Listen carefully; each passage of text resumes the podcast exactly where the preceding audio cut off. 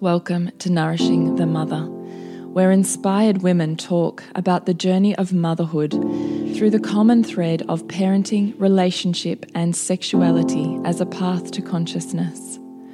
We ask, in what ways can we show up more fully, live more meaningfully, parent more wholly, and love more unconditionally? How can we mine the wisdom from the experiences of our lives and expand into those challenges? If you are here, you care about paving a path of conscious and intentional motherhood, connected with yourself and your gifts, and also illuminating your children in theirs, so we may raise more whole humans who can impact this world in a more humane way. And if you feel like giving a little back to this free content, please become a patron of the show and receive extra member benefits for less than a coffee a month. Or you can leave a review on iTunes and Facebook, all of which helps the podcast keep going and reach more mamas who need this type of tonic for the soul. Head on over to patreon.com forward slash NTM podcast to find out more. We are Julie Tenner and Bridget Wood, and we are so grateful you're here.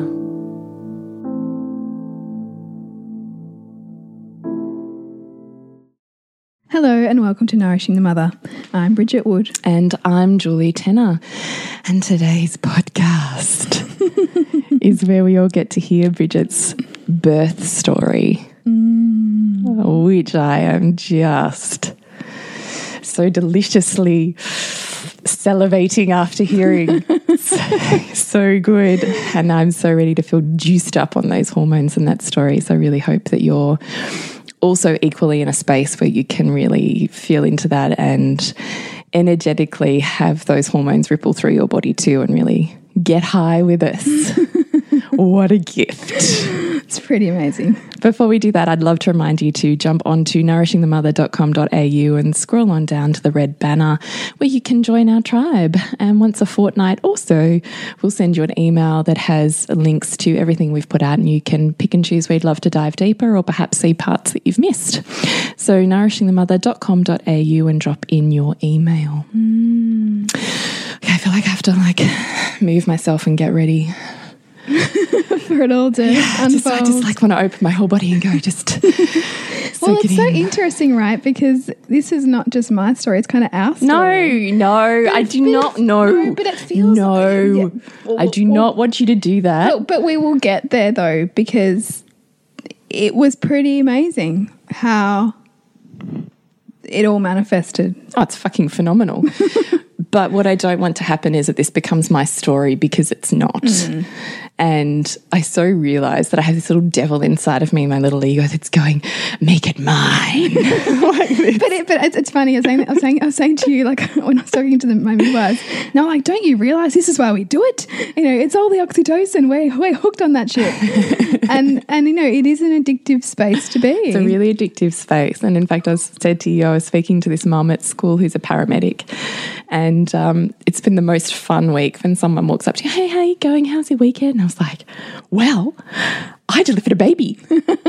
How was your weekend? Can't even compare. Yeah, you know. Yeah. And I was talking to her about it, and she's like, "Yeah, man, I've delivered like three or four. And she said, "I remember this one, and you know, it all happened in the in the ambulance." And she said, "I got to hospital, and I was like, look at what I've done." and her and I were laughing about it because she's like, it's if I did anything." but there's this part of me that was so high on it all mm. and so invested in the experience that I was like, look at it. Which, which interestingly, you can see why that's become the language around it, isn't it? That that you know, doctors and midwives deliver babies, whereas in yeah. fact, it, it is a woman's work. Oh, a hundred. But the language is very much, you know, yeah, that we do this for you. Yeah. Mm. So that's why I don't want it to be my story because I really, really feel um, there's part of myself that I'm growing up and. Um, you know, not not the, the ego part that wants to take over. That I'm really having to consciously and very much aware that down in a way, you know? Yeah, but I kind of love it that we get to like juice each other up on it because it was just so amazing. But we'll get there, right?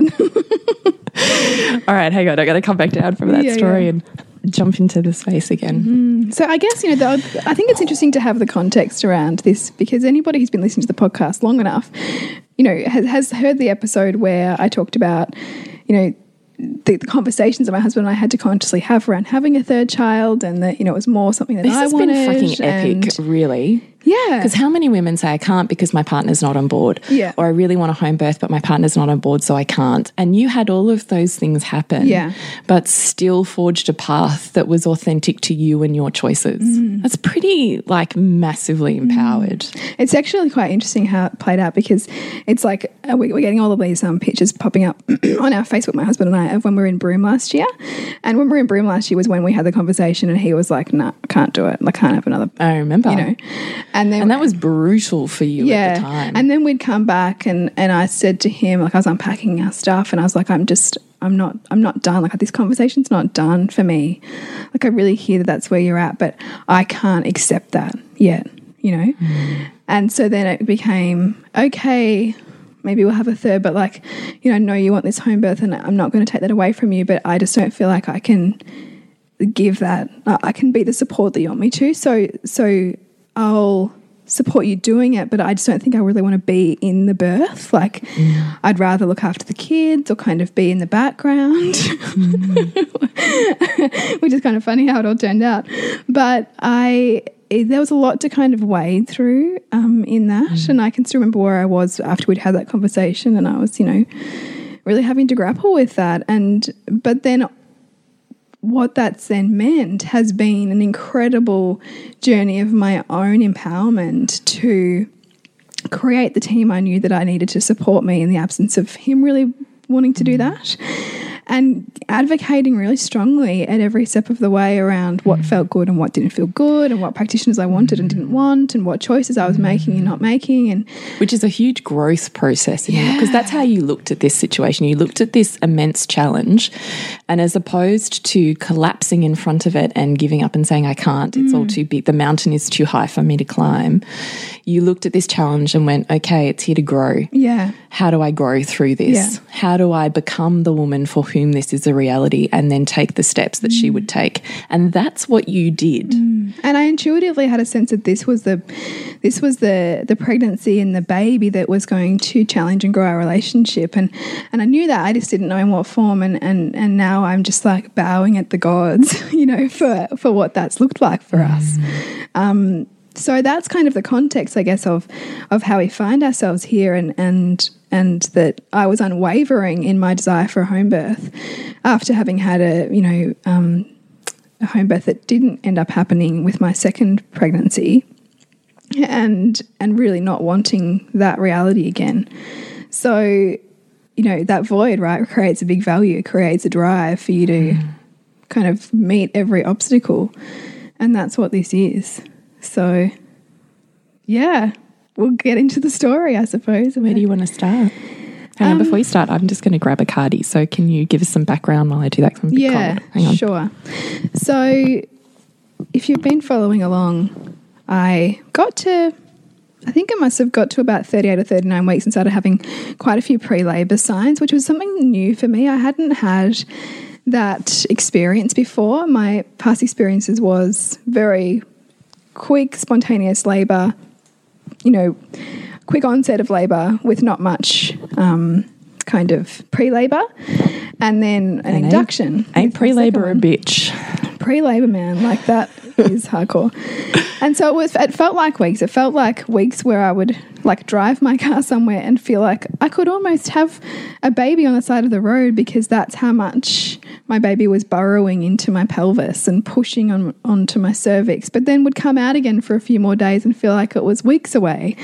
And that was the process. It was could feel the baby moving into the pelvis and then out of the pelvis and then into the pelvis and then out of the pelvis and and would have these um, those really strong sensations with that, which was really new to me. But but also, as I think I've said in previous podcasts, was quite an enjoyable process of really connecting to my body and really feeling the presence of the baby doing the work um, to to be prepared to be born. You know, and you know the pre labor served magically to get us ready as well and to also take my husband and I to new edges and to more alignment and to more connection. Which is so interesting because in the looming of it could be today brought up like new emotions, new Yeah. dynamics, new feelings, which was such a gift because you had this opportunity to meet, greet, and dissolve them. So they didn't even show up in the birth. Yep, Like yep. that is the gift of pre labor. And it was also like getting, you know, the practical list done, right? So if you didn't really have much signs of labor, then you can see how people don't feel ready because it just kind of mm. happens. Whereas for two weeks with him at work, it was like, look, I could call you today. Like, so he was having to plan ahead. And so by the time the baby was actually ready, he was really ready. Mm. I was really ready. And as a family, we were really ready for something that we were still kind of negotiating ourselves around you know, in the weeks before. So the, the process of the pre-labor, I'm deeply grateful for, even though it was really challenging. Mm. And I suppose it became all the more challenging as we got closer and closer to 41 weeks, and the baby turned posterior. And so I could feel what were like contractions, but they were really sporadic. They were not close together. They'd come and go. And in fact, the morning before Pearl was born, I had like a run of contractions, sort of two in 10 minutes, fairly consistent for about an hour. And so I thought, okay, this seems like it's something. Mm. And so I was checking with my midwife, and because my midwives were like 45 minutes away, they'd said to me, look, you know, get on to us when you, you know, when they're in this kind of pattern. And it was coming close to the, the start of morning peak. So I thought, okay, I'll let them know. And I said, do I, do I want them to come? Yeah, yeah, I think I do. Like, and so they all turned up, and then everything went cold. and That was really hard for you. yeah, it was really hard. And I really faced this whole um, almost like a bit of a shame, like feelings of shame around how I'd inconvenienced people. And um, I felt a bit foolish, like I didn't understand understand labor because I was. I was saying to you, like, what is this? Like, I don't remember feeling like this. I don't remember labor being like this. It's, it's really. I feel like I'm in this foreign territory. Um, and I kind of almost felt a little bit, I had moments of feeling kind of childlike because I didn't get it, that I'd forgotten what contractions were like. Or, but I see now I was never having that. Like that was not the labor I had. But then I was like, what is this? And and it caused more kind of um, soul searching and and interestingly, I almost had to get like pissed off at everyone. Hang on, slow it down. Slow it down. So this is Friday. Friday morning, yep, and So- everyone everyone arrives. It's it's a What are you going through? What's happening in your head, in your body? How does it roll out? super fucking frustrated when it's when I realized it stopped because it because it would have got to because I was up and I think because by this stage I was my sleep was terrible because You'd hardly slept that whole week, really. yeah because I was my baby was moving so much that I couldn't sleep sometimes because because the baby was clearly trying to find a position and and I was uncomfortable. I was having these like sporadic contractions here and there, so it was just really hard to sleep. So sort of by I think it must have been three thirty or four a.m. this morning, I was like, look, I can't sleep. I Friday morning. the Friday morning, I'm like, I can't sleep. May as well try and do something with this. So I went out to the lounge and put on my um, birth playlist just in, into my headphones and just really sat with the contractions and felt through them and just really tried to be intentional with being with them as opposed to trying to sleep through them because sleeping through them wasn't working. What part of that wasn't working? sleeping through them. I simply was too uncomfortable. I was too uncomfortable to like. I wasn't.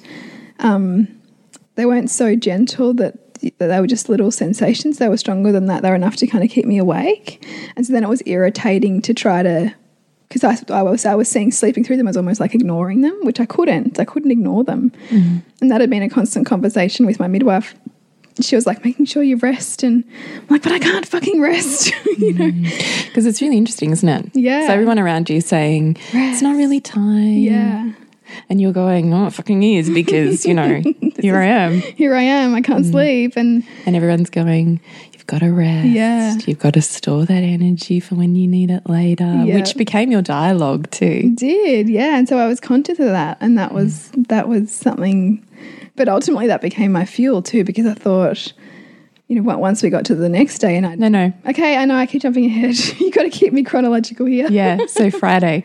So Friday morning, you thought, that's it. I'm going to try and work with them. You're in your lounge room with your headphones and your birth Yeah. playlist on. yeah and i was feeling good because i was i was i i generally was enjoying them i was enjoying them coming you know as a wave and i was enjoying that that tightness and that um that sense of dancing that edge of um how would you explain it? Kind of like too much but i can just handle it like that kind of feeling. And i was had a great music that i was able to move my body really rhythmically to that sensation. And so i was like yeah i can do this i can be with this. And that was when and because i had this sense of well i don't want to go too long I was it's like that fine line. It's like I don't want to leave it too long and then not make it and or go to call them too soon and me um, kind of go into overwhelm because I've got all these people here and I'm not in established labour and it will cool off. And so I made the call and they and they came and pretty much the second midwife showed up first and I, as no hang on. My student midwife showed up first and as she walked in the door I was like it stopped. And I was just like saying to her, this is fucking bullshit. And like I was just sitting on my floor like pissed off. What's she saying to and she was like oh like she was just with me right? She was just with me in that frustration. And that's all that's what I needed. I just needed someone to just you know be with it with me right hmm.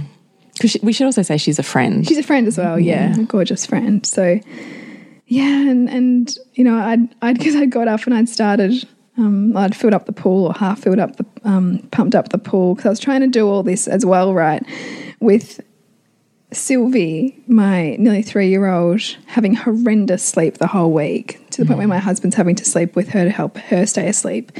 So I went in there before I filled up the pool, turned on her like sound machine up really loud, closed the door because the pump for the pool's really loud. So I'm I'm doing all of this mental work at the same time as I'm trying to allow my body to go into labor, right? So I could mm. also realize that, that that was a challenge for me. Like I was on one hand trying to be rational and organized and then asking myself to go primal and I think part of that wasn't helping, you know, trying to do that too. And and so yeah, I pumped up this pool and then Emily's walked in and I just was like, it's I think it's I, I don't think it's anything. You know, I So think how are you feeling? shattered, Why? foolish, um, dejected, over it, tired, um, you know, and, and also like resolute too that I'm not calling anyone until I'm really, really in labor, you know, and almost like I felt overwhelmed by the people and I just wanted to, I, to know that when I'm really in labor, I want to be able to be on my own or with very little people around me. Also in labour that you don't notice them. Yeah, yeah. Which is not early labour. Yeah. Because I felt almost like it was um, not a show, but it just felt like too much for me. Um, What was it like when your second midwife and midwife walked in? Well, the second midwife came first, and I hadn't met her before, so that was kind of awkward for me um, because, you know, I really wanted a, a relationship, right? Um, so she sort of did all the, the checks and and or just sort of check, checked my blood pressure and just did that kind of stuff. And then my darling mid, midwife came and and yeah, she was just saying to me, "Yeah, look, you know, got to look for the rhythm." And I was thinking, "There's no fucking rhythm. What do you mean rhythm?" and then and there's this you know photo of us all kind of talking in the lounge room, and me just looking so like past it, you know, like really just. So what are they saying that you're either skimming over or what's happening around you versus what's happening inside of you? Hmm. I think around me, it's just like that's okay. You know, th th this is this is what, what what happens sometimes, and it's just you know waiting for a bit more of a um, regular rhythm and a regular you know, contractions that are coming a bit closer together and uh, really making sure that it's a, you know, talking about the physiology of the contraction and making sure that it's a really firm tightening and then a relaxing of the uterus and just these things that I still didn't feel like I was getting yet. Mm. Um, and so it was just a reinforcement for me of it feeling so elusive. And that. Which means what to you at that point? It means, like, when is, is this baby ever going to come? You know, it is. Do you hit fear when you think about that? I, I think I hit fear around can I handle it? Like, can I handle the edges that this is taking me to? Like, this not knowing or this sense of being out of control and, um, yeah, and, and I would, and I, I could feel myself kind of hitting that, like, you know, animal psychology of that. And then also my high mind kind of coming and going, yeah, but there's actually wisdom here. And, and, and doing that to and fro dialogue, mm. um, which I, I, see now as actually how it all had to connect together to get the birth that we got. But in that in that moment, I was just flat, and I think I'd I think I like texted you at that point and said, you know, this is fucked. I think you you went for a walk and you rung me. I went for a walk and I did I. Yeah, you'd left the house. There was too many people in there. That's right. And they wanted to walk with you. They and like, I don't want anyone yeah, walking with you. Yeah, I was like, yeah, they wanted to, and I, I didn't want anyone to. I just want to be by myself. yes, I went for a walk, and then I and I called you, and I said, this is where I'm at. And I think you said to me, well, why don't we catch up a bit later? And we went. Did I? Yeah, I don't know, but we ended up down the beach. Oh, that's right. Yeah. You did too. I forgot that. Yeah. Yeah. Yeah. Because I could really tell it was super like heart wounding. Yeah. For you. And yeah. I was like, oh. I can really feel I it. I feel that tenderness. Mm. I think I, I could. It's like, could, here's your prize, and now I'm going to rip it away yeah, and I and mm. it's funny because I, you know, I think it still showed me there's more to love here. You know, mm. there's more to meet here. Can you tell us where those feelings are coming from? What does that mean?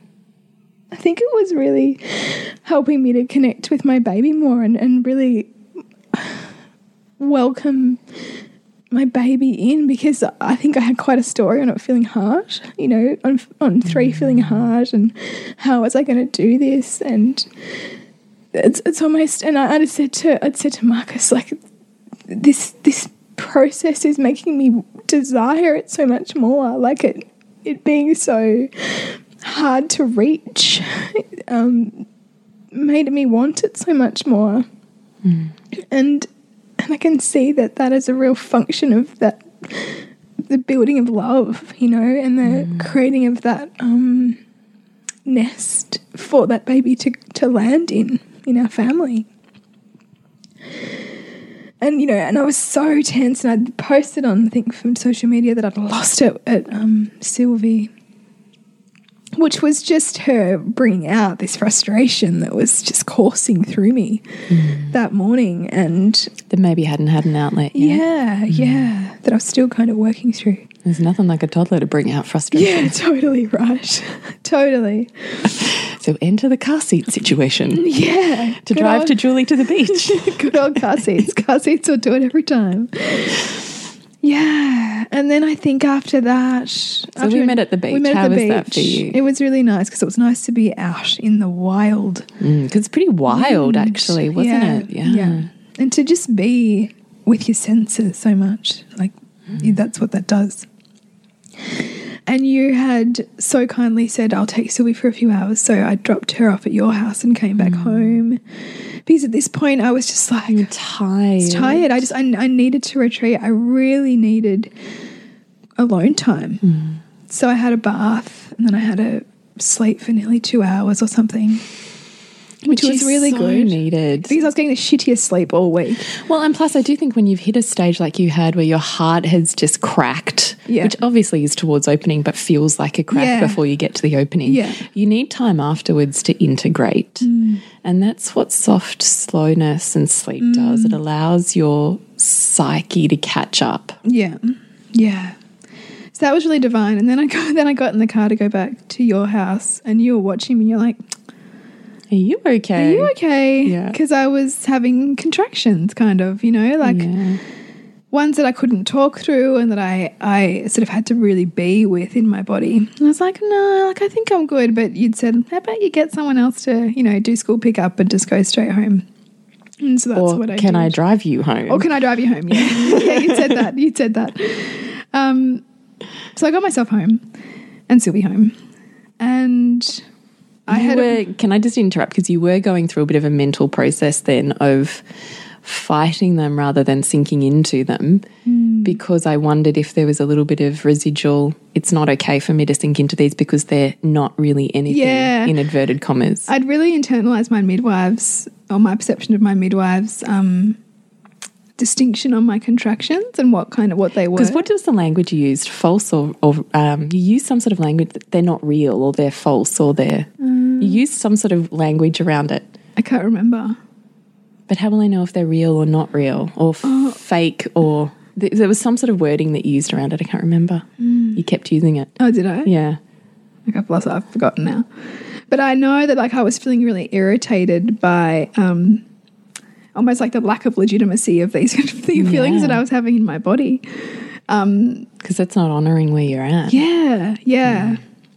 And I'd, I'd felt irritated by that, and I, I'd really inter- I, I kind of gone internal from there too. Like hmm. I'd made it my process. Well, because you and I sat on the floor together for a couple of those contractions with our toddlers in our laps, Yeah, nonetheless, yeah. and talked about the movement of energy. Mm, mm. because I'd I'd really got to that place with my birth with Sylvie. Like I'd mm. really got to that really empowered, active place of moving energy, and I can still see mm. how I did it, and I loved it. It was great, but I was there was like a stuckness here that I just couldn't find the flow of it. And you kind of did, though, while yeah, you were there. yeah, yeah. I did. Yeah. And I'd also organised. So we, so after that, I then arranged for my kids to go and have a sleepover at my parents' house. And so as this is obviously unfolding, I'm then facing the choices, or you know, differing choices now. So my kids might not be at the birth. Um, it might not be this kind of family affair that I thought it was going to be What made you make the decision that you wanted them to stay the night? because I think the last couple of nights, either Marcus or I had both been up at least six times with Sylvie, and that was not working for either of us. And I really need, knew that for me to meet this labour and this birth in the way that I wanted to, I needed to remove as many hurdles to that, and she'd become a hurdle. Mm. It had become a hurdle. And I was also really aware that I wanted my husband to be as well rested as possible because this transition's gonna was gonna ask a lot for, from him too. So that was the reason to ship them off, which was really good and in fact delicious for us because we had a beautiful night together.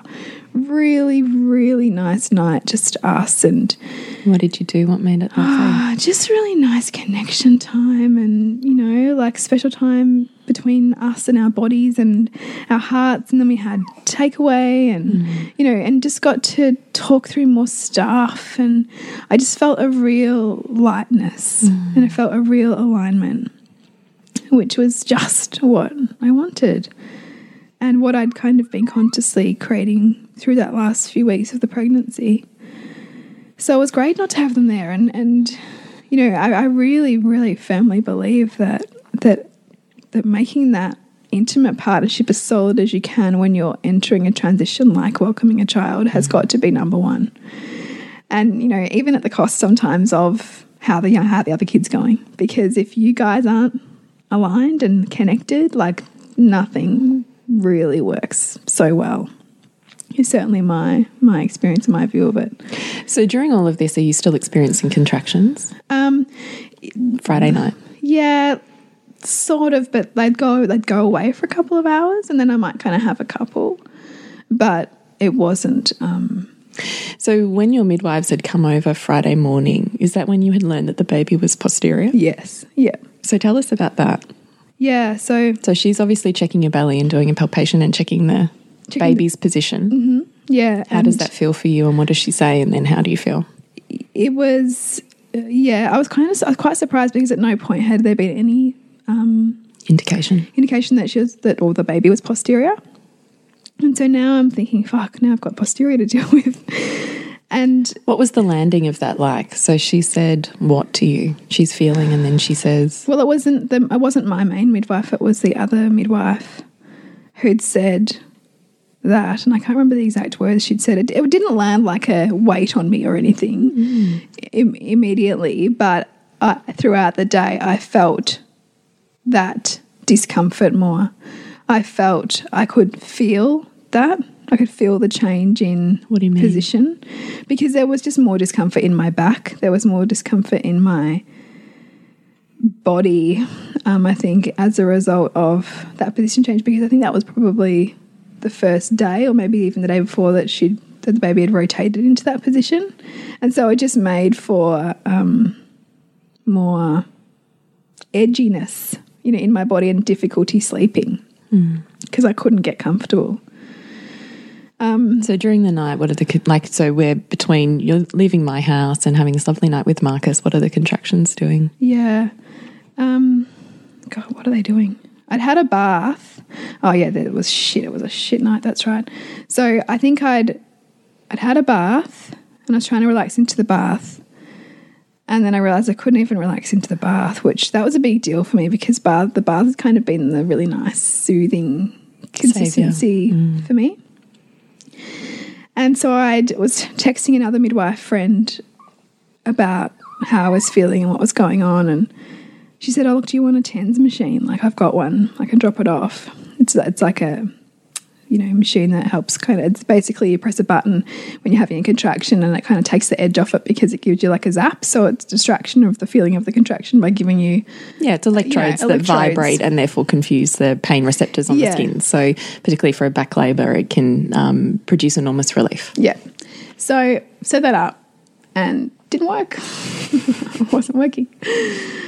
So, but it kind of in the middle of the night was had some kind of placebo effect because it felt like at least I could press something and I could talk myself into it doing something. So I was using that and a hot water bottle to try and get myself through the night. But really, So you rung me. yeah, I did. What time did I call call you? Uh, I was like ten at night or Yeah. something.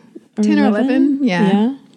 And I'd sort of said to you, this is where I was feeling. And you were so beautiful because you said, look, I'm going to keep my phone right next to my bed. And if you need to call me at two o'clock to come around, or if you just need to speak to me, you do that. I don't want mm. you to go through this night on your own if it's feeling really hard. Mm.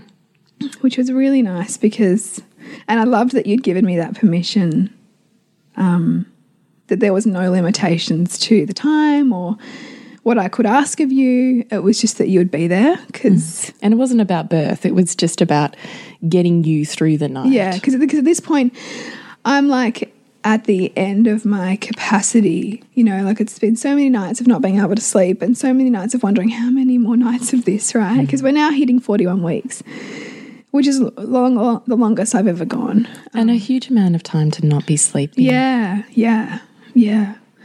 So I I said thank you, and I, I tried to get through the night with my hot water bottle and my TENS machine that didn't work. It sounds so fucking lonely. what time did Marcus go to bed? Um, he fell asleep out on the couch, and he was good. Like I, he had to get up and help me put the TENS machine on, and but like at one point I'd heard him snoring in the night, and I was just like, fuck. Yeah, fuck you. Yeah, like damn you in your sleep, and it just, I just like made that loneliness feel ever, ever more so lonely. So get that. Yeah. So anyway, I think it got to five or five thirty, and I texted you, and I'd said, if you've got, if you if you're able to, I'd really love you to come over and help me out or Just sit with me. Just be with me. Yeah. Mm, sit with me. Because at that point, I thought I, I need some help now. Like. Because what's going on in your head through that night? Well, I could, I felt like the baby wasn't far away, but I also felt like it was asking more and more of me in terms of um, mustering the energy to meet my vision and to to really tune into what work I needed to do because because my midwife had said to me, you know, just just rest and the baby will come, you know, when the baby's ready and it's the right time. But I had really felt like I can't just keep resting and waiting for the baby because I am going to I'm not going to be able to keep going like this with this nights and nights of no sleep. I need to now, it's now time for me to do what I can beyond what I've been doing to work with this baby to help this baby come. Because I recognize that, yes, I believe in the divine timing of the arrival of our children, but I also see that it's a co-creation with our with us, right? With our psyche, with our physiology, with our emotions, and that that this baby, particularly during the night, like the, that that night, I had felt the baby was so frantic in my belly and moving so much. I thought, God, I, I almost felt like the baby was going to rip my stomach open. Like if, if you didn't know mm -hmm. that that can't happen, it was almost like that that sense. And and I felt this this I felt this sense that the baby wanted me to help help it create space. Mm. And that was really what I was looking to you to help me do. But I just want to take you back to what that was like emotionally because when I, yeah, and I was got dressed and came to you, but when I got here what I met with was a woman sitting on her own in the dark mm. who felt like these things were bigger than her. Yeah, that's where I was. That she couldn't do this, that she couldn't say all these contractions, that they were overwhelming. She had no foot on them.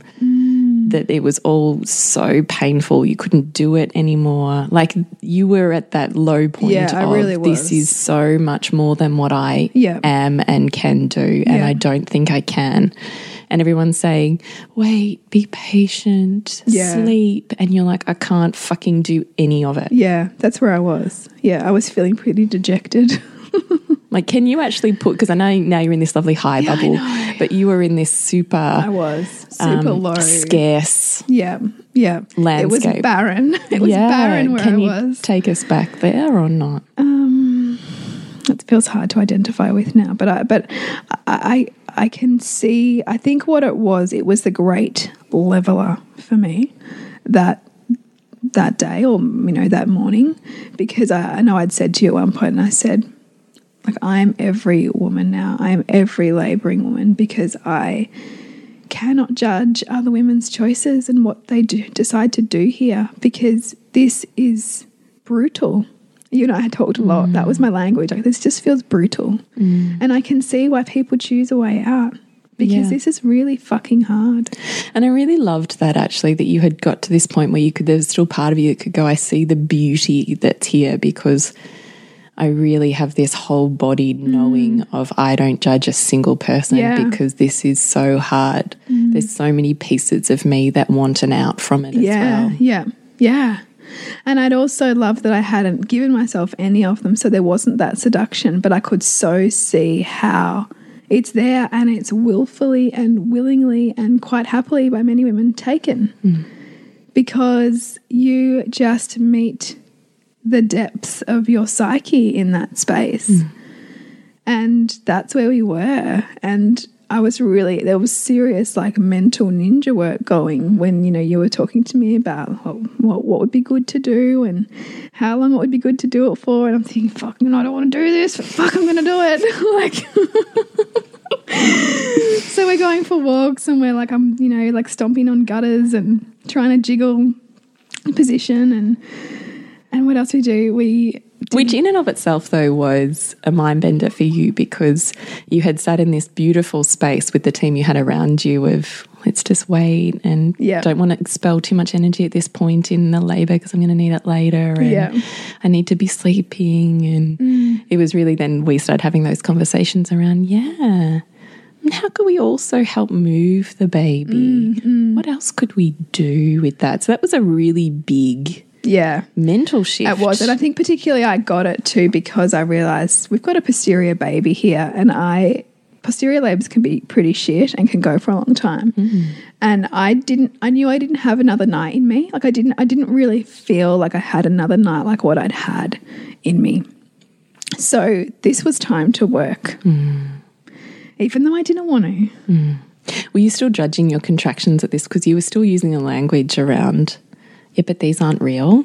Mm. I know at one point you had to say to me, Bridget, you're in labor. This is labor. Yeah. Yeah. I, I like when I do. Yeah. Like, stop saying that. Yeah. I think I'd still internalize like my that my midwife's stuff around it. And I don't even know if my perception of her language or her viewpoint is actually accurate or if I was took your- it that yeah, yeah. way and I needed I've got some notes here. I needed to push away that and rally against that and take on board that in order to almost create the birth that I had. I feel like I can feel the energy rising up You know, as you say it. like yeah. because I, almost needed to go. Well, fuck you, then I'll do it myself, kind of thing. yeah. In order to Whether it was reality or not. That's right. Yeah. So I can really see that I know I was really polarizing myself to see that to not, you know, and and was was part of me not seeing it as labor because if I really saw it as labor, then I'd have to call everybody in, and then it would mm. be that birth, and maybe I didn't want that birth. Maybe Pearl didn't want that birth. You know, like maybe it was. You're talking on an unconscious level. yeah, yeah, on an unconscious Yeah. level. That's right. Because if you really had to own this was it, then everything else would change. Yeah. Yeah. Whereas, whereas we're still By kind of staying in the story of this isn't kind of real and we're just kind of hanging out together. Yeah. It creates something different. Yeah. Mm. And we could simply just be in it without having to forward project on what we need to do next. And, you know, it was Mm. simply just working with my body and this baby. And everything else was, every other reality was kind of suspended because this was where we were right now. So, what can you talk us through what it felt like for you as the labouring woman? I don't want to hear my name, but as the experience of, I can't do this, and being met by someone who is able to offer you another pathway and then willingly taking that. What is mm. that what does that look like in your internal world? Mm. What's happening and how do you feel and how does that change? I think what it does is it creates the the safety for everything that I am processing, for everything that I am feeling, for every edge that I'm being taken to. There's there's nothing that's not okay to express or feel or move or lean into because it's all held. It's all held. And What does that do when you're when you're in a space where you're able to do that? Like how what does that change for you? Well, I think it actually really allows labour and birth to be met. Baby Pearl. Hello, honey. oh, sweetheart. Um, I think that it allows you to meet all of it with more willingness because there's less in the way. As soon as someone has created safety enough for all of it to be okay, then you almost borrow that. You borrow the kind of their nervous system essentially hmm. to make that safe for you. So how did you move from this is shit, I can't even get a foot on on not having control, but even being on top of the wave, these have me, I can't do it, hmm. to this feels kind of nice. How what happened? I think for me it was it was it was very much a sense of safety in my environment, a sense of I mean it was beautiful how it unfolded in the sense of my husband being home too, it being mm. a weekend, there not being any kids, that he could be the most divine provider for me and you and me to do this work and for him to show up to me in the way that it was really authentic for him that meant that I just felt so held. And at one point, I'd said to him, I just need to know that you've got me. And he said, I've got you. Like, I've got you so much. And that, that was, that was pivotal too, you know? Like I know that I'd said I'd said it so many times to Julie, like you can't go and I need you to stay and and my husband had said, Oh, I'm here. Like like a little bit dejected, like a little boy. He was so beautiful. Mm. He was so beautiful. Yeah. It's pretty fucking epic. he was amazing. And he, you know, like at one point, I mean, the most pivotal point, like, I've, I've kind of got all these like chronological notes about how it all played out. But You have to stick to the chronological. yeah, okay. Give us the story. So you came and we did all of these circuits, like 20 minutes of different things. And Rebozo. Rebozo was fucking fantastic. That seemed to really shift something for yeah, you. Yeah, yeah. So that was just beautiful. I could just work with the contractions as you were doing that, and I could feel my baby move. Mm. Could feel a shift down, and and you know, like how much of it is a shift physically, and how much is it opening up my hips. like spiritually and mentally and emotionally too mm. to create that. Mm. Like it was mm. very much a, a um, mind body process without a doubt. And then we somehow ended up. Oh, you said to me, "But why don't you put your put your birth playlist on?" And we'd put on the playlist, and there was this beautiful song, and it's a song that Jules read out at my blessing way, and it's a song that whenever I listened to it, just completely bawled my eyes out. And it came on, and I had this like crazy fucking like. How would you like? It was a drop in. It was just a massive drop in. It was just like a choo choo choo choo choo, like this whole connected you piece of like it my from life. The top of your head Yeah. right down. Yeah. And it was this I'd said, I am I'm birthing myself. This is what this is. I am being asked to birth myself. I'm meeting myself again Because what was your story? because I was posterior in my mother's womb and I was pulled out by forceps. And my mother, when she arrived at hospital, wanted to run the other way, like she was afraid. And I was giving, this was me meeting that cellular memory, like coded in my body and in my psyche. Getting a wave of goosebumps. And that was when I realized that doesn't have to be. Like, I get a choice now. Like, I'm now getting to rewrite that. That This is, this feels bigger than me because this is like my cells and my memory. is telling me that this is bigger than me because it's more than me because it was given to me. But I don't have to take it. And I just cried and cried and cried as I had that realization. And It was so beautiful. yeah, it was amazing. And you wrapped me up in the. Well, then you like went, yeah, you know, like you were with it until it went flash. yeah, yeah. And Till then there was nothing left. Yeah. And then, like on Friday morning, whenever there's a big opening, you need a big rest to Yeah. integrate afterwards. Yeah, So you just laid down on the ground where you were and we mm. just made you comfy. And I thought, you know, the woman who's just birthed herself needs to be wrapped up like she's in the mm, womb. it was so gorgeous. And she needs to choose when she's going to birth herself. yeah, So at that point, it was probably too much woo for Marcus. yeah, yeah.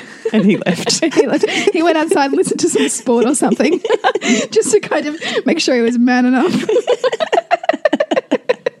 and in fact, you giggled. I did. I said, And you went, too much." Wee Too much woo. He was good natured about it. Well, wasn't he? Yeah. But how beautiful also that he is this divine masculine, knowing when to enter the tent and when to protect the tent. Yeah, yeah. And that's actually not long after this was was when this we got you got that beautiful photo of after I'd emerged from my cocoon. I went for a walk around the backyard and We joked about you birthing yourself. yeah, and you got this picture of Marcus looking out the window at me, um, Mm. you know, walking, mm. and it was like he was my keeper, you know. Mm. Oh, watching that and Yeah. even looking at that just like hits my heart. I'm Yeah. like, oh, Yeah. talk about love, hey? And then you met me outside, and I had some more really intense contractions. And at that point, I was just like, I, I almost felt like I didn't care who it was, but I needed someone there to hold my back through contractions because I was they almost felt too big for me. Like I needed someone to hold and put really strong pressure into my back because that's what mm. I was feeling them. Right? She was she was posterior, and so you were doing that with me at the back. And Marcus is inside cooking us the most divine lunch, Oh my God. and it was amazing. I think I'm going to live here. He had seconds. Was ridiculed about it. Well, I was glad you were because I just, I I was still, even though it was delicious, it was like, you know, it was really hard for me to stomach. I did not want to eat. and funnily enough, you were going, I hope I don't vomit this up later. I was saying that, wasn't Yeah. I? oh, that was funny. And then after that, You're like, I'm really tired. yeah, I said, yeah, I was really tired. And I was almost looking for you for like, we, I was saying, you know, what do we think we need to do now? And I think that you sensed that we'd shifted some stuff with my big mm. spiritual awakening. So that it Mm. Don't roll be- your eyes. It was. I know it was. I know it was. You're still laughing at Marcus. and so a rest was in order, really. So that's what I did. And so I hopped into you helped me get into bed and you propped up you propped up my like knees like so good. Like it was like this I finally got this this right position for my my hips that I hadn't been able to feel before. Because I'd just been sticking this like flimsy little pillow between my knees, but you'd propped my knees sort of wide open and I was all tucked into bed and mm, I had a pillow and a hot water bottle on your oh, it was just divine. I just felt so nested and like cocooned and nourished and like I could really have permission to rest. oxytocin, oxytocin, oxytocin. It was just divine. Mm. And then you came and said to me, Do you want me to stay or do you want some space? And I said, oh, I'd like you to stay. And so then you laid down next to me. Well, do you know what I loved about that? I said, sure. And what is it that you'd actually really like? And I loved, oh no, we did massage before you. That's right, I forgot. And you know what? Uh, that was amazing. We should talk about that actually, because what I loved was that it was like Bridget on Friday, who felt like she didn't have permission to have everyone here and the birth and whatever. You'd processed, rebirthed yourself, been nourished by the masculine, literally Yeah. fed. Yeah. And then you were able to, in the moment, completely. I asked you a question, what do you need? And you went, check in, and out it came, this is what I need. And it was zero story around it. It was mm. just like this total knowing that that will be met and it's safe for me to ask for the things I need to do the job I need to do. And I just thought, bow at that. Because Yeah, that was a real strength as women, Yeah. that is the pinnacle of knowing how to be the queen, mm-hmm. right? I really, I think I really came out the other side of that that experience and really just felt, um, I felt so much more solid. You said, I just really want a different experience on my back. Mm. Rather than just the pain, I want to feel something different. Yeah, yeah. So it was really nice. You did this like it was like a, it's like an arnica kind of um, cream into my um, back and hips, which was just so nice, and it like left this beautiful, soothing kind of like almost like a denka rub kind of warmth. Tingle. Yeah.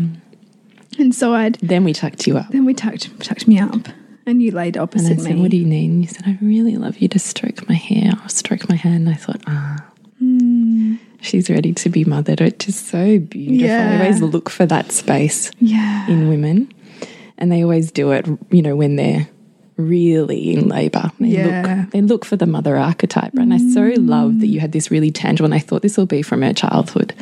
Did your mum used to stroke your hair or stroke your hand? I think she did. Yeah. I'm just interrupting our podcast, hearing Bridget's delicious birth story. And you will hear the journey of this next offering at the end of this podcast, but I'm jumping in here so that you can prick your ears open for it. It's called Spellbound. Create a birth you're captivated by, stirring the spiritual, rousing the mental, supporting the emotional. And it's all in a downloadable kit as best Bridget and I can put together our conscious birthing skills so that you can experience the feeling of being spellbound and captivated by your own birth experience. And it felt like total comfort and security. You've got this incredible photo of me like fast asleep, but I look like so relaxed. It was so beautiful. Mm. And I laid in this bed next to you, stroking your hand and just gently gla- glazing. Well, yeah, I was glazed, but gazing. And I remember looking at you and you, and, it, and I was like, I noticed that the stroking of my hand had stopped, and I noticed, So lovely. I'm just going to go to yeah, sleep. and so you were asleep too, and I was like, oh, that's so nice. And so then I went back to sleep. That's as what I thought too. I Yeah, thought, ah, this is what to be a sister is. yeah, That's what I thought. Mm. I'm lying in bed here next to my sister. And what a gift that is to be here just in this quiet space, sharing this quiet moment that felt so profound, but that no one would ever know about. Mm. And that felt like such an enormous, beautiful, heart nourishing space to be in It with you. I had that sense too. Like it was almost like the sisters of the sixties and seventies who would braid each other's hair, and Totes. just you know, like it would just be these moments of bliss. Mm-hmm. That's what it was like. Mm. I felt really nourished. And what I really loved was even though you're still experiencing these back contractions every five minutes or so, you were able to very quickly drop into sleep and then come out of it and then drop into sleep and come out of it, which I thought, oh man, that's like in labor, sleep that you have for five minutes that's deep like that is worth Yeah. hours when I you're know, out of it. right? Like, and and how much it f- probably felt like eternity. Those little snatches of sleep. probably because it was on a consciousness level. Like 'cause what I what's was, time? because what I was processing was monumental. Um, but it turns out it was less than twenty minutes. Felt way longer. Felt way longer. And after twenty minutes, I felt this. I think I said to you, "Oh, I just felt like I had a big leak." I said that, didn't I? Mm, yeah, some there's a lot of fluid. A lot of fluid. No, no, there's a lot of fluid. Yeah. and so you said, "Oh, okay, we'll just go over to the to the bathroom and I'll grab you a towel. yeah, grab you a towel." Yeah, we'll do that really sexy thing of a towel between, Towel between your legs. Very elegant that, that walk, you know. And so we went into the bathroom and and that's when I said, "Oh, I You think went, I'm gonna oh, be I don't feel good. Yeah. And that was like, "You're like, Marcus, get a bucket." and then it was on. Like, That was intense. yeah, it was intense. That was super violent vomiting. Yeah, really. And I was like, oh my God. Like, and I was at the same time needing to feel like I feeling like I could do a poo. And then I felt like, like I felt down between my legs and I felt almost like I could, I could feel my vagina opening. And I was like, I feel like I'm going to have this baby on the toilet. Mm. And then you said, okay, Marcus, call the midwife mm. and also call your mum and tell her not to bring the kids home yet. No, you said that. I oh, didn't Oh, say oh, that. I said that. I think I said, call Yeah. mum and tell her not to come yet. But in our heads, we're still really far from like, Yeah, we still feel like, like it's really far from birth. And I could feel like you were like in disbelief as well. You're like, Well, I was. No, I was. But can I give you background on that? Because, I mean, go back if you haven't listened to Bree's birth story, because it probably is the pinnacle of those experiences. But I mean, it's so many posterior births where, because of what the baby's position, you get enormous feelings of pushing or that the baby's right coming. there. Yep. When really it's not, and you're hours from it. And I've seen what happens when women engage that pushing, which listen to Bree's story for the example of that. that. Mm. Right. When they push too early, often the cervix inflames, and then you've got to deal with an inflamed cervix that now can't open, and blah blah blah blah blah. okay. And it can, if the baby's not quite there, you are then can have issues with tearing, and it's just not an easeful space. Mm. So in my head, I'm going, I totally believe that you're feeling all of that. I had a quick look, and I went, can't see any bulge. Okay, I think this is just sensation and baby turning and moving. And I'm saying to you as you're vomiting, it's all good, Bridge. This is pushing the baby down. This is your diaphragm doing the work for you. This is really safe for you to be here. You know, blah blah blah. And you're like, I'm having the baby. I'm going, no, you're not. just the baby. It's just the baby turning. and so then I think because I because I and I could feel like I really needed to do a poo right Which you did because you hadn't pooed for. for a couple of days. days. Yeah, and but then every every woman who's had a baby knows that when you feel like you're about to do a poo, like it often feels like the baby's about to come, and usually Yeah. you'll poo when the baby comes. yeah. And so, uh, but then I was kind of like, oh, but I don't want to have this baby on the toilet. So you know, this this kind of I've got to stop this poo business. you know.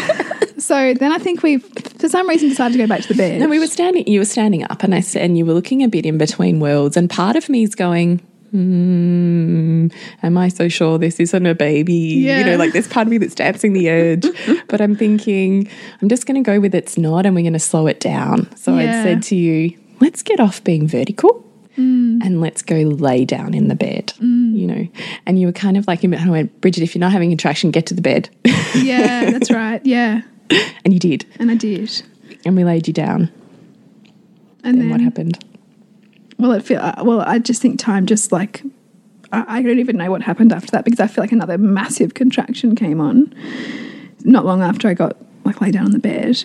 In the background too, you're saying to Marcus, "Okay, Marcus, fill up the pool." Mm.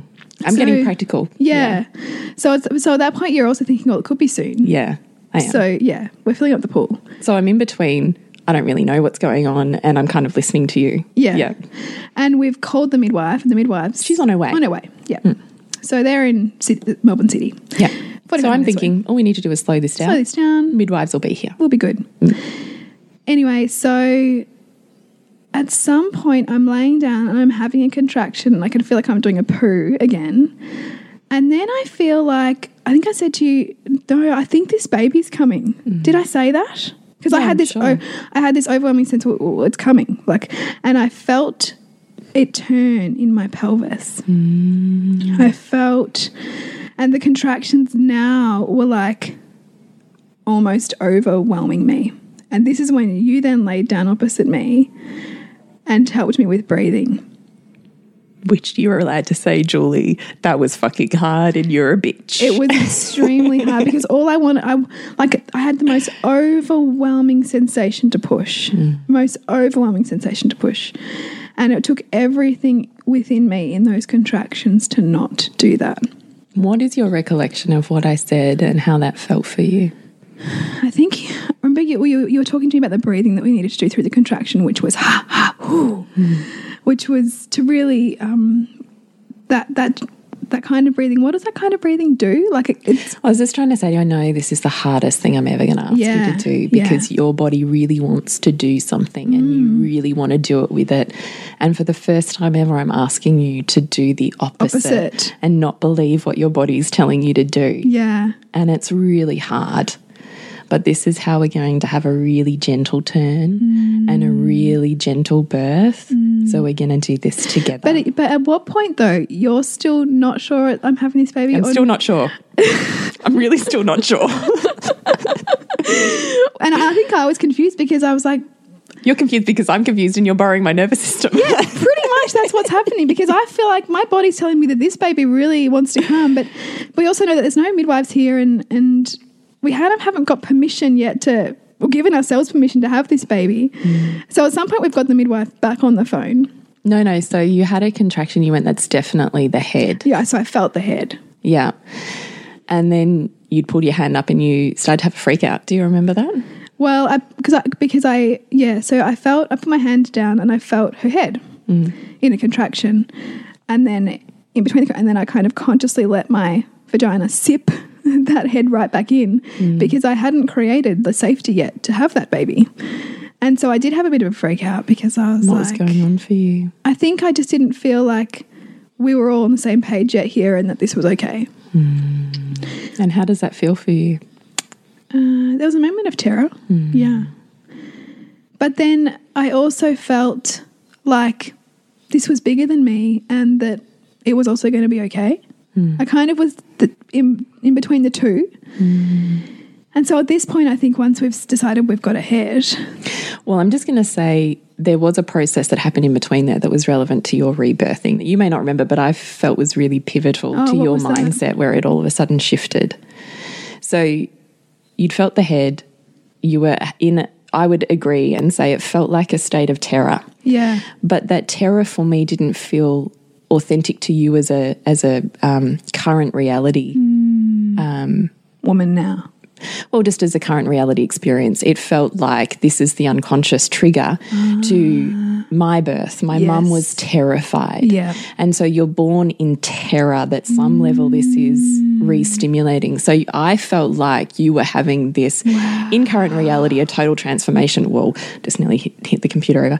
Um, experience of your experienced Yeah. terror of Yeah. birth. Yeah. Um, which, of course, your baby in its head, even being there and coming back in, is stimulating on the cellular level, right? I really feel that. Yeah. That feels actually really, really true So I felt like you were in, An unconscious. well, yeah, Yeah. terror state, which is Bridget coming through her mother's vagina, yeah, right? Yeah.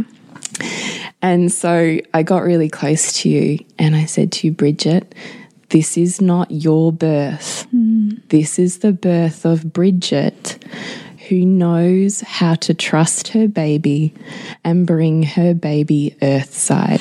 And it is safe for you to do that. And instantly I felt your body switch. Yeah. And you went, Yeah, that's right. That's who I am. Mm. I remember that. Yes, I remember. Thanks for reminding me because I remember hearing that, and that was just what I needed because it was it just it flicked the switch between unconscious patterning mm. and oh, I consciously choose something different mm. because this is not me, right? Totally. And so in that moment, I went, okay, she's got this. Yeah, And so in that time, Marcus is ringing the midwife, got the midwife on speaker, He's now on the bed.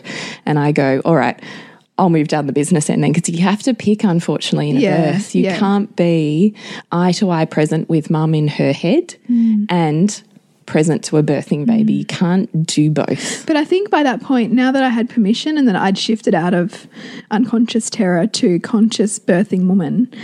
I had it too. You totally did. And so that was when I was like, oh, I can really, really, really be present to this. So you've got the midwife on the phone. Midwife's on the phone. What does that feel like? Really cool. Like, because I felt like, yep, we're held here. I've got a midwife that I love. She's she's really saying all of the right things to help everybody here feel empowered. She asked us if we wanted to call an ambulance, and I said no, because I really felt like this is safe. Mm-hmm. We've got this. I've got her. I've got really, really great support. The second midwife was, we should say, only 10 minutes Yeah, that's away. right. The second, Yeah. the second midwife we knew would would be there within ten minutes, and so at that point, in the, where in the previous contraction, I had decided to like, let my body suck the head back in, Which I actually time- think you needed to do because how much therapy have you done in that one minute Yeah. or, you know, whatever? That's right. yeah.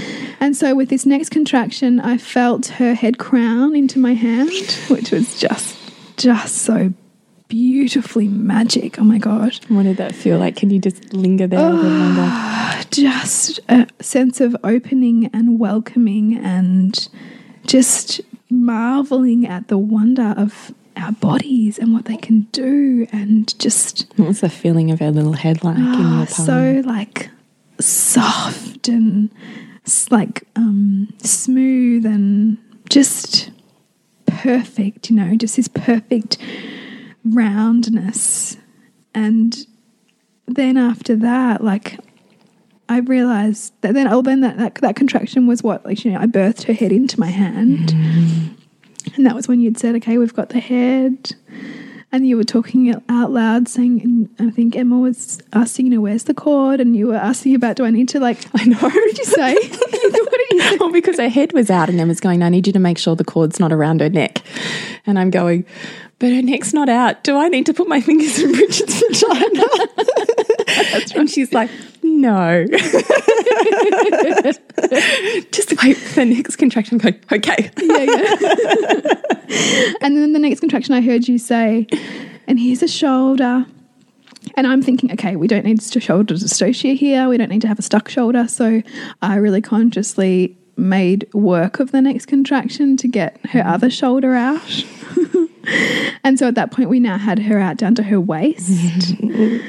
oh, so good. Oh my God. It was so good. And then the, the third contraction was her born. So mm. she was born in three contractions. And then you reached down and picked your baby up. Mm. I reached down and picked her up. We put her on my chest and I cried and we just all said, Oh my God, we've just had a baby. Oh my God, I was crying. Marcus, I, I didn't see Marcus's face right, right away, but I could see that there were tears. Like, once the adrenaline had calmed down. But, oh, and just soaking in those moments of disbelief and absolute rapture and ecstasy that this baby was on my chest and that I'd birthed her and that this beautiful cocoon of love and just deliciousness was all around us. And, you know, she was, I could feel her. You know, she was like, you know, when, when you first birth a baby, like they're quite grey, and and I could see that, and then I could feel her breathing on me, and I could. Then she did a little cry, and you know she began to pink up, and oh, it just was just so magnificent. And I could hear, like, we still had Emma on the phone this whole time, and she was just saying, "Oh, Bridget," you know, Yeah, she was. and you and you were like this unconscious dialogue.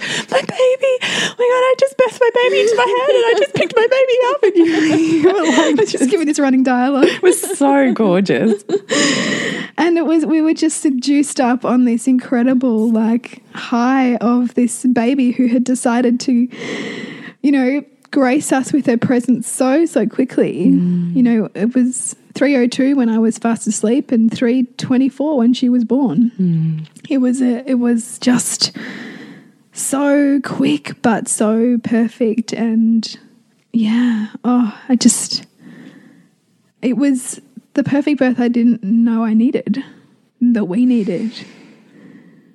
That and that, that it was the perfect people that were there. Hmm. Yeah, In the end, the baby calls in who they need. I think. yeah, yeah. And my husband, who didn't want, he was right there. he was right there. he helped deliver his baby. he was magnificent.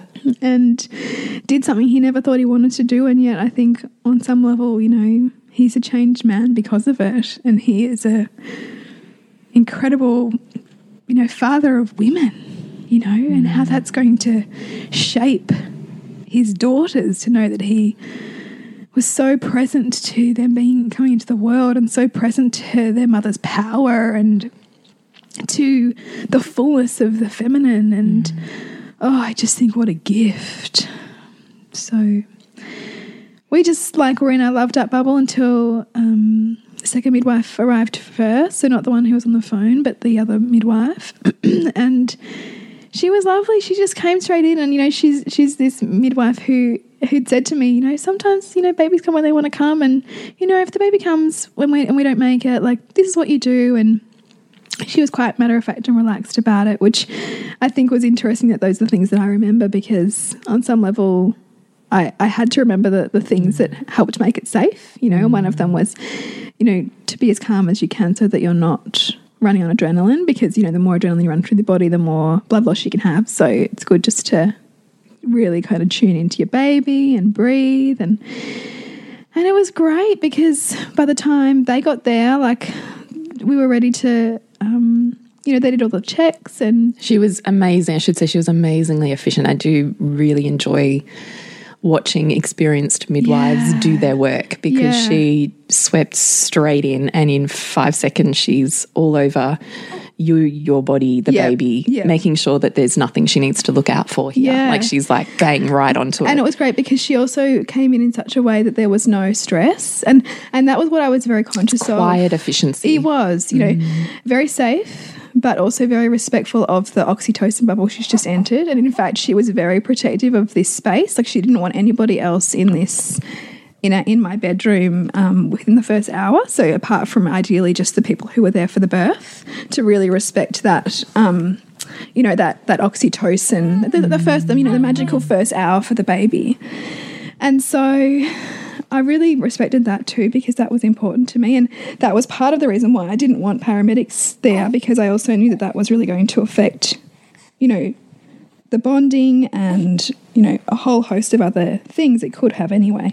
I'm just trying to get Pearl to feed. Um, so yeah, and after that it was just oh, tell me what happened after that. oh well, look. To be honest with you, I really recognised that that was a space for me to just quietly hold, but step away from the intimacy of. So I was quite happy to, you know, yeah, do just that. Look after bits and pieces, you know, change the sheets, um, look after little kids, you know. Yeah. Leave the space so that it could just be you guys, you know, all those things. so I guess I'm really interested in once you're ready and you've got her on, please feel feel no pressure. Please feel no pressure. We're in this um, space of um, my milk just having come in and Pearl found it a bit tricky sometimes to get on the breast. So we'll just take a second for her to do that. When she's ready, that's it. What was it like when your kids came in? Because they arrived not too long after. Yeah, so they arrived just as we were. Um, well, just as you were delivering the placenta. Just as we were delivering the placenta, yeah. So um, you kept them, or we all kept them out of the room while the, in inverted commas, the business of the last bit of birth yes, was done. And yeah. then they kind of entered once the bed was remade and um, you've had a shower. You'd had a shower by then, hadn't you? Yeah, because yeah, you delivered placenta, had the shower. Yes, yeah. Well, Marcus held. So, so this was an hour after she was born. So we left the placenta attached to her for an hour and um, till it was completely stopped pulsing and I cut the cord and that was beautiful. And yeah, then the kid the kids came in and it was really gorgeous because we'd really be able been able to set ourselves up for to receive them, you know, mm. and and for them to just for it to be all about them and and establishing that first connection for them with with their with their new sibling and with me as a new form of their mother, mm. you know, because that's really big for them. And I just thought it was so beautiful because Sylvie, um, because we've got the pool half filled at this half mm. filled at this point, we'd obviously cast out started it and then went too late. Yeah, so we'll just leave that. Mm. And Sylvie saw it and said, oh, I'm getting in the pool. And so she went and got her bathers. Which I said to was so funny because after the birth, I said to Marcus, Oh, look, you know who's going to love that? And he's like, No, they're not. Yeah, yeah. they're not getting in there.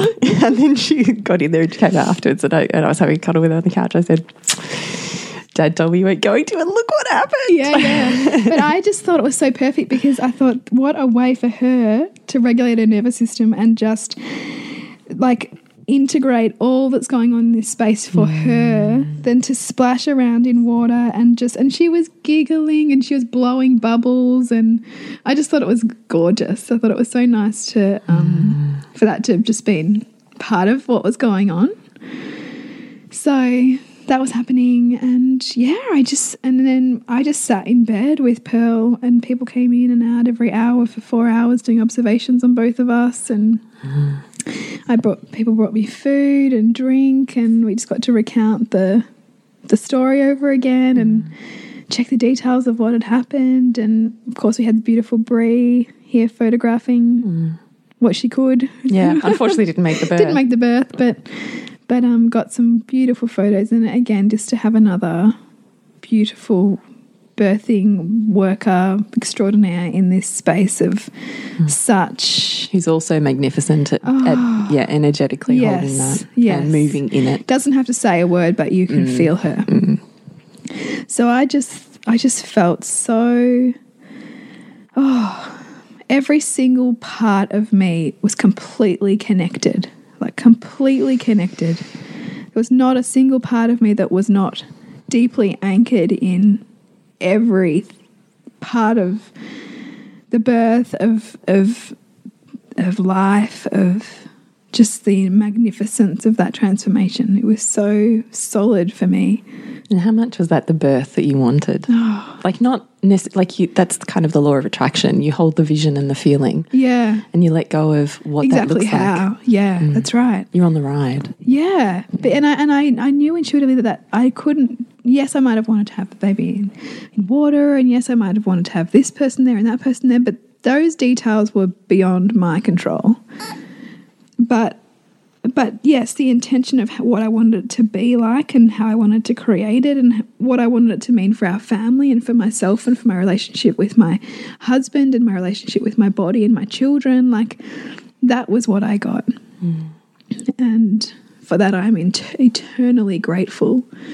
And, you know, I know you so, keep saying, stop saying that, but you were so pivotal for me in that, in helping to create that reality because that Saturday, like, oh my God, like the work that we did and just the space that you held was, was what enabled me to meet that. So thank you. Thank you. That's my birth story. So magnificent. yeah. What have you learnt? Oh my god. I don't even think I can put that into words yet. Hmm. I don't think I think I'm still learning what I've learned. You know. Hmm. What is the power in your story for other women on the precipice of giving birth, do you mm. think? Oh, I just think that there's just so much wisdom in women's bodies and in women's psyches and in birth. And that if we can create space to make that a reality for ourselves and get out of the way of, you know, or unplug from the the more broader cultural dogma that you know surrounds birth that's full of fear and full of control and trying to manage it then there is just such a potential for enormous growth and transformation and depth and connection when we can go into the the challenging parts you know the edges that we want to run from. Because when we enter those you know, as you can see, there's just potential for such magnificence on the other side. And and I think it's it's about staying really connected to you through that process because there is so much outward orientation that's distracting um, in those last weeks of pregnancy and and can take you away from what you're really wanting to create can can become noise um, instead of um, meaningful exploration and intention. And I really hope that whatever kind of birth you're wanting, or that that it, that you can give space for you to find the truth that you want to find within it. Um, because there's potential there. Do you want to say anything to the women who might be scared that they don't make it to their care providers in time or their care providers don't make it to them in time? Yeah, I think in my I think in my case, and if if this story hasn't made it clear, third labours can often be pretty Unpredictable. unpredictable. So very Something cheeky about third babies. yeah, I think you'd very rarely find a first labour play out like that. I don't think ever. I don't think ever. So if you're pregnant with your first baby, I think your midwives will definitely be there in time. it's very different, um, and I would certainly, and I think it's it's that it's that whole thing. I mean, you either see birth as something as a normal life event, or you see birth as a series of risks to be managed. And I, and I think the the the latter is is more of the obstetric model, and the former is the midwifery model, and and knowing what model of care you're in will therefore frame the perhaps the reference with which birth is given. And so knowing that you then need to scaffold around that to try to create the experience that you want to create. I mean for me I knew so much about birth that even though of course I wanted my care providers there, I also knew that there was an enormous that that, that, that that my knowledge was on my side in terms of my body, my baby, and and trust, trusting birth, um, so that there wasn't an, a huge fear there around care providers not being there. But having said that, it is extremely rare that they don't make it. Um, so I would stress that if that's kind of a worry for you, because I certainly wouldn't. Uh, I, I would feel, and in fact, I have a number of midwife friends who feel far safer even to birth at home, even if that meant momentarily unassisted, than to birth in a hospital environment. Um, I think there can be a misconception that the hospital is safest. I think um, if you're aware of the intervention rates and the flow on effects of those for women, um, that's what I'm more scared about. You know, I've had two hospital births. But intervention rates are really there because of there's there's policies That's that govern a system. Yes. And I think that's probably the primary problem. But yeah, and also women not understanding how that system operates and how they are then um, beholden to that system unless they're very, very strong in advocating for what they want. And I think certainly midwives feel that as well. Yeah, That they, you know, may want and wish and desire a birth to be different, but they are still employees of a system that has ramifications if those policies aren't followed. yeah, yep. I think really understanding that that's what you're getting when you enter that system, and and not that that's impossible. I mean, obviously, I've had, you know, hospital births, and and there's aspects of those births that I absolutely love. And I'm grateful for, and I, and they were relatively empowered, but nothing. When you're willing to be your own advocate. yes, and you, but you have to. I mean, like that's not an easy task. I, Like, I had amazing fourth birth at a hospital.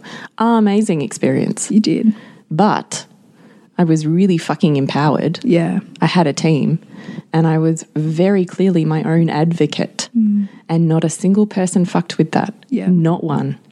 Not the obstetric model of care, not the obstet- obstetricians on, you know, um, on duty. on duty at any given time, not any policy or system, because I was so fucking empowered and Yeah. sure. but that that is a rare woman, I would say. No, exactly, but that's Yeah, my point. That's right. And so that's why you don't just hope for the best. You know, it, ta- it takes an enormous amount of work to have a natural birth in a hospital. And in fact, you know, I was reflecting um, with Julie before because this is my first birth with um, zero intervention, a completely, Completely- physiological birth. completely undisturbed physiological birth. And so noticing my body, um, how I birthed and how I'm recovering from that birth is just giving me even more um, reverence for the female body because, and reverence for natural birth. Because you look fucking amazing. I feel fantastic. You know, this is the first birth where I mean, because my because my son's birth, I had an episiotomy, so I could hardly sit down for a week. It was fucking brutal. My daughter's birth was induced, and she was born with her hand next to her face, and so she, when she came out, she tore the episiotomy scar, so I had stitches. So this birth was the first birth where I had zero tearing, and it was just the most empowered Gentle. gentle birth. So I'm healing magnificently. And there is so much in that for us and our connection to our bodies and our empowerment in our bodies. And and and these are things that are kind of secondary or not even discussed when we we talk about intervention and women's bodies in hospitals um, and The recovery after the recovery afterwards. And the impact on mothering that has. yeah and the impact on relationship that that has you know. And so that is also what you know being a woman who really values body connection and you know sexuality and consent and autonomy. I mean there's there's some so much to be said for um, you really owning your own birth and advocating for yourself in your own birth and what's done to your body. Because there's a lot of um, unconscionable things that I think are done to women's bodies in in modern birthing practices and and I really if you're not wanting that I really implore you to to look for the model of care that's going to help support your wholeness as you journey through mo- into motherhood. Hmm. Yeah. Thank you. Thank you so much for allowing me to share it and just re experience it and be held in it again. Oh, it's a magnificent story. Mm. And I love that it wasn't just this effortless home birth. I love that, you know, uber conscious Bridget, who's all over natural birth, fucking struggled Yeah. and then came through the struggle to oh, champion her own experience. I fucking love that. And don't think that there wasn't times in those depths of that where I was like, fuck it. Could have intervention. It's not that bad, you know, because it's, it's like the devil. it's like the devil, the devil on your shoulder who goes, "Oh, come on, you know, it's not that bad." You know, I, I the high-minded me would never have really let that happen, but I could see how it's seductive, Mm. right? So, and that's what I meant when I said that. In those moments, I was every woman because it Mm. collapsed down that ego that has a hold on what I really value to see why people might choose every which way and Mm. that that be okay for them. It's humbling. Yeah, it is humbling. And we need that. Totally. So that's our story. Ah, it's so wonderful. So, in the background with all of this um, epic pregnancy, birth stuff, I've been, we've both been going, well, how could we help other women? How, what kind of crazy processes have we have you been doing through this that we could Offer other offer women. other women, right? Because so it's not an isolated experience. Yeah. Yeah. you know, and so that's so we're putting together a Because I was listening to something this morning from the um oh god, not the book, not the book of miracles. oh return to love. No, a course in Miracles. A. Course in Miracles, thank Oh, you. yeah. And it was some um oh god, I wish I could be poetic and remember it, but it was a passage in there about how your light is not really owned until it's shared outwards. Hmm. And I just thought, yes, Yeah, because your light is always meant to enlighten you so you can shine it brighter outwards and enlighten others. like a candle. Mm. So that's what we're doing with this experience is really turning it into a practical um, workbook, I suppose. It's a kit. A kit. Yeah. It doesn't sound sexy birth kit though, so we have renamed it, but Yes. it is essentially the conscious, emotional, spiritual, and mental passage and journey as best we can put it in a workbook format for women going through the process of preparing for a conscious birth and experiencing within a conscious Yeah. birth. Yeah. So we'd like really invite you to, if that's where you'll find yourself at and you're wanting to empower your Sorry, I just took that away all from me. you're wanting to empower your um, whether you're pregnant now, whether you're really desiring a different experience from your previous birth and want to um, explore that, we invite you to hop on our website and check it out. It's called Spellbound. Create a birth you're captivated by. So we really do want to stir the spiritual, rouse the mental, and support the emotional. Mm. So you can really experience exactly what it's like to open up beyond the physical, mm. collapse and heal, Yeah. and birth the mother you were always meant to be. Yes, all of that. Yeah, all of that. And through this process, I have also implored Julie. Yeah, she has to- actually fucking pushed me, I've pushed her really hard. pushed her really hard. which I so needed. Yes.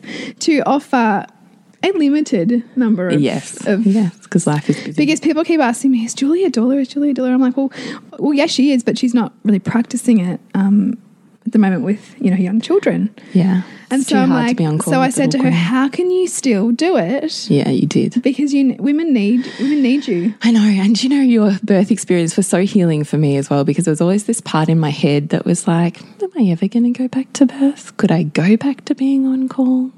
Is this where my life's going to be? And then I was in your experience, and for the probably for the first time, and I think because I've done so much conscious work between being the physical doula in the mm. way I was trained, and then processing a fucking heck ton of shit in the last, you know, four years to embodying and taking it further. That when I met you, I wasn't thinking about what are we doing here? Mm. And it was the first time in my body I went, oh, I get it. And I'm so not done. Oh wow! Thank you, Bridget. That was, it was such an opening for me. And I mm. think, had I actually not even had the opportunity to be here for you, I wonder if I would also have continued to walk away from birth in different ways. Mm, I so love that I could be the conduit to you meeting that again. Totally. And I think it was actually perfect that I'd never, like, you know, officially asked you to be my doula And I had zero expectations. I was like, I'll just come for a coffee and we'll just sit together and re love you up and then I'll go again. Yeah. There was never any pressure that I You had, to be stay. here. Although I think I said to you, I don't want you to leave. yeah, but I was always checking because, th- particularly when you're in a labouring space, that might change any given Yeah. second, right? You process something different and all of a sudden you've triggered different feelings. yeah. And if you were having feelings of repulsion or not wanting, I thought, I don't want to be the person that Mm. Um, forces that upon you. Yeah. So it was kind of perfect because there was never any setup for you to be my doula No. in this in this. And so you got to meet it in a way that was I had to be with my friend. yeah. Yeah. And find the love again. You know, It was for- heaven. Oh God, it was heaven. I loved being with you. Mm, I loved you being with me. So, anyway, long story short, what Bridget has pushed me to do is put together a limited number, which is 10. I've said 10 birth sessions, which I have called Darling. So, I will have them up on my website. So, you can go and have a look at thepleasurenutritionist.com. And these are Darling birth awakening sessions. So, where we can chat together and work out what's in the way, what you need, what's going on, how you can meet it, plan for it, and scaffold around it.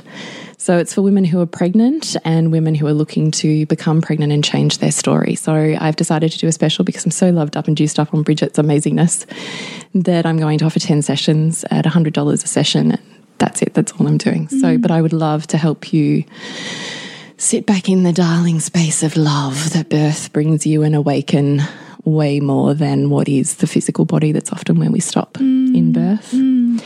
And beyond that, because um, I like fucking adored being on call with you in those weeks when it was, you know, that week before labor, it was really hard and texting and talking. And I was like, I really want to do this more. This like lights me up so much.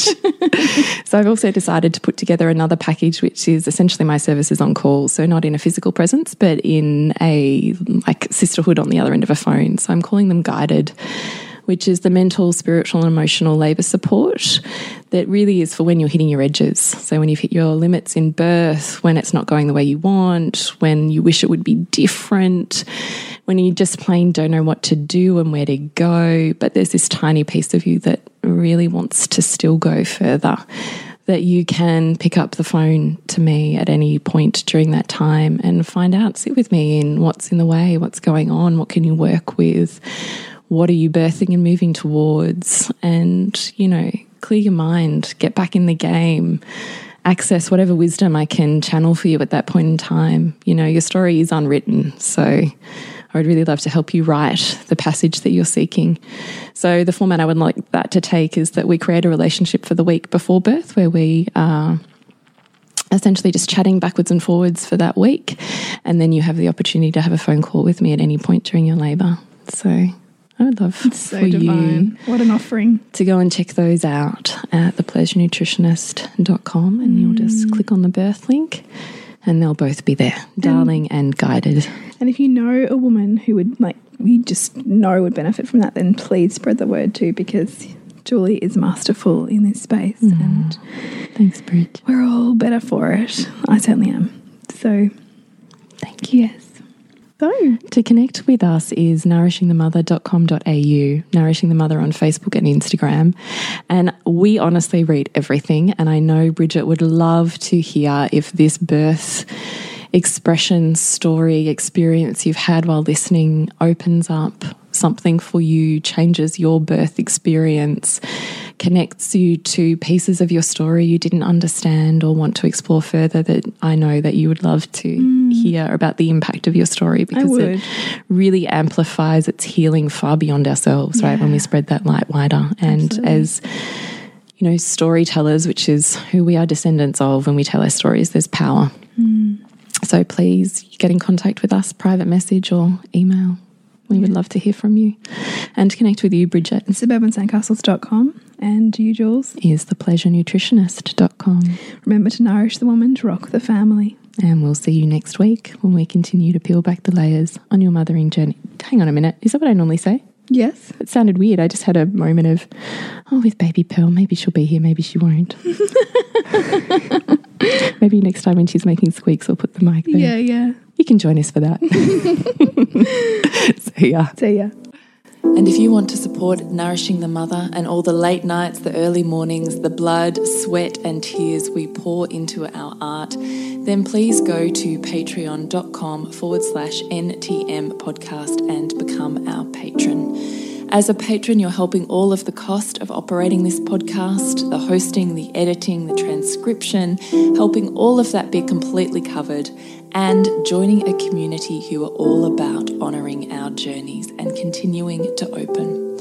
The more support we have, the longer we can last. So become a patron. We'd love to have you. Go to patreon.com forward slash NTM podcast. We literally couldn't do this without you. Thank you so much for listening, and please share this podcast with anyone you think it would be medicine for.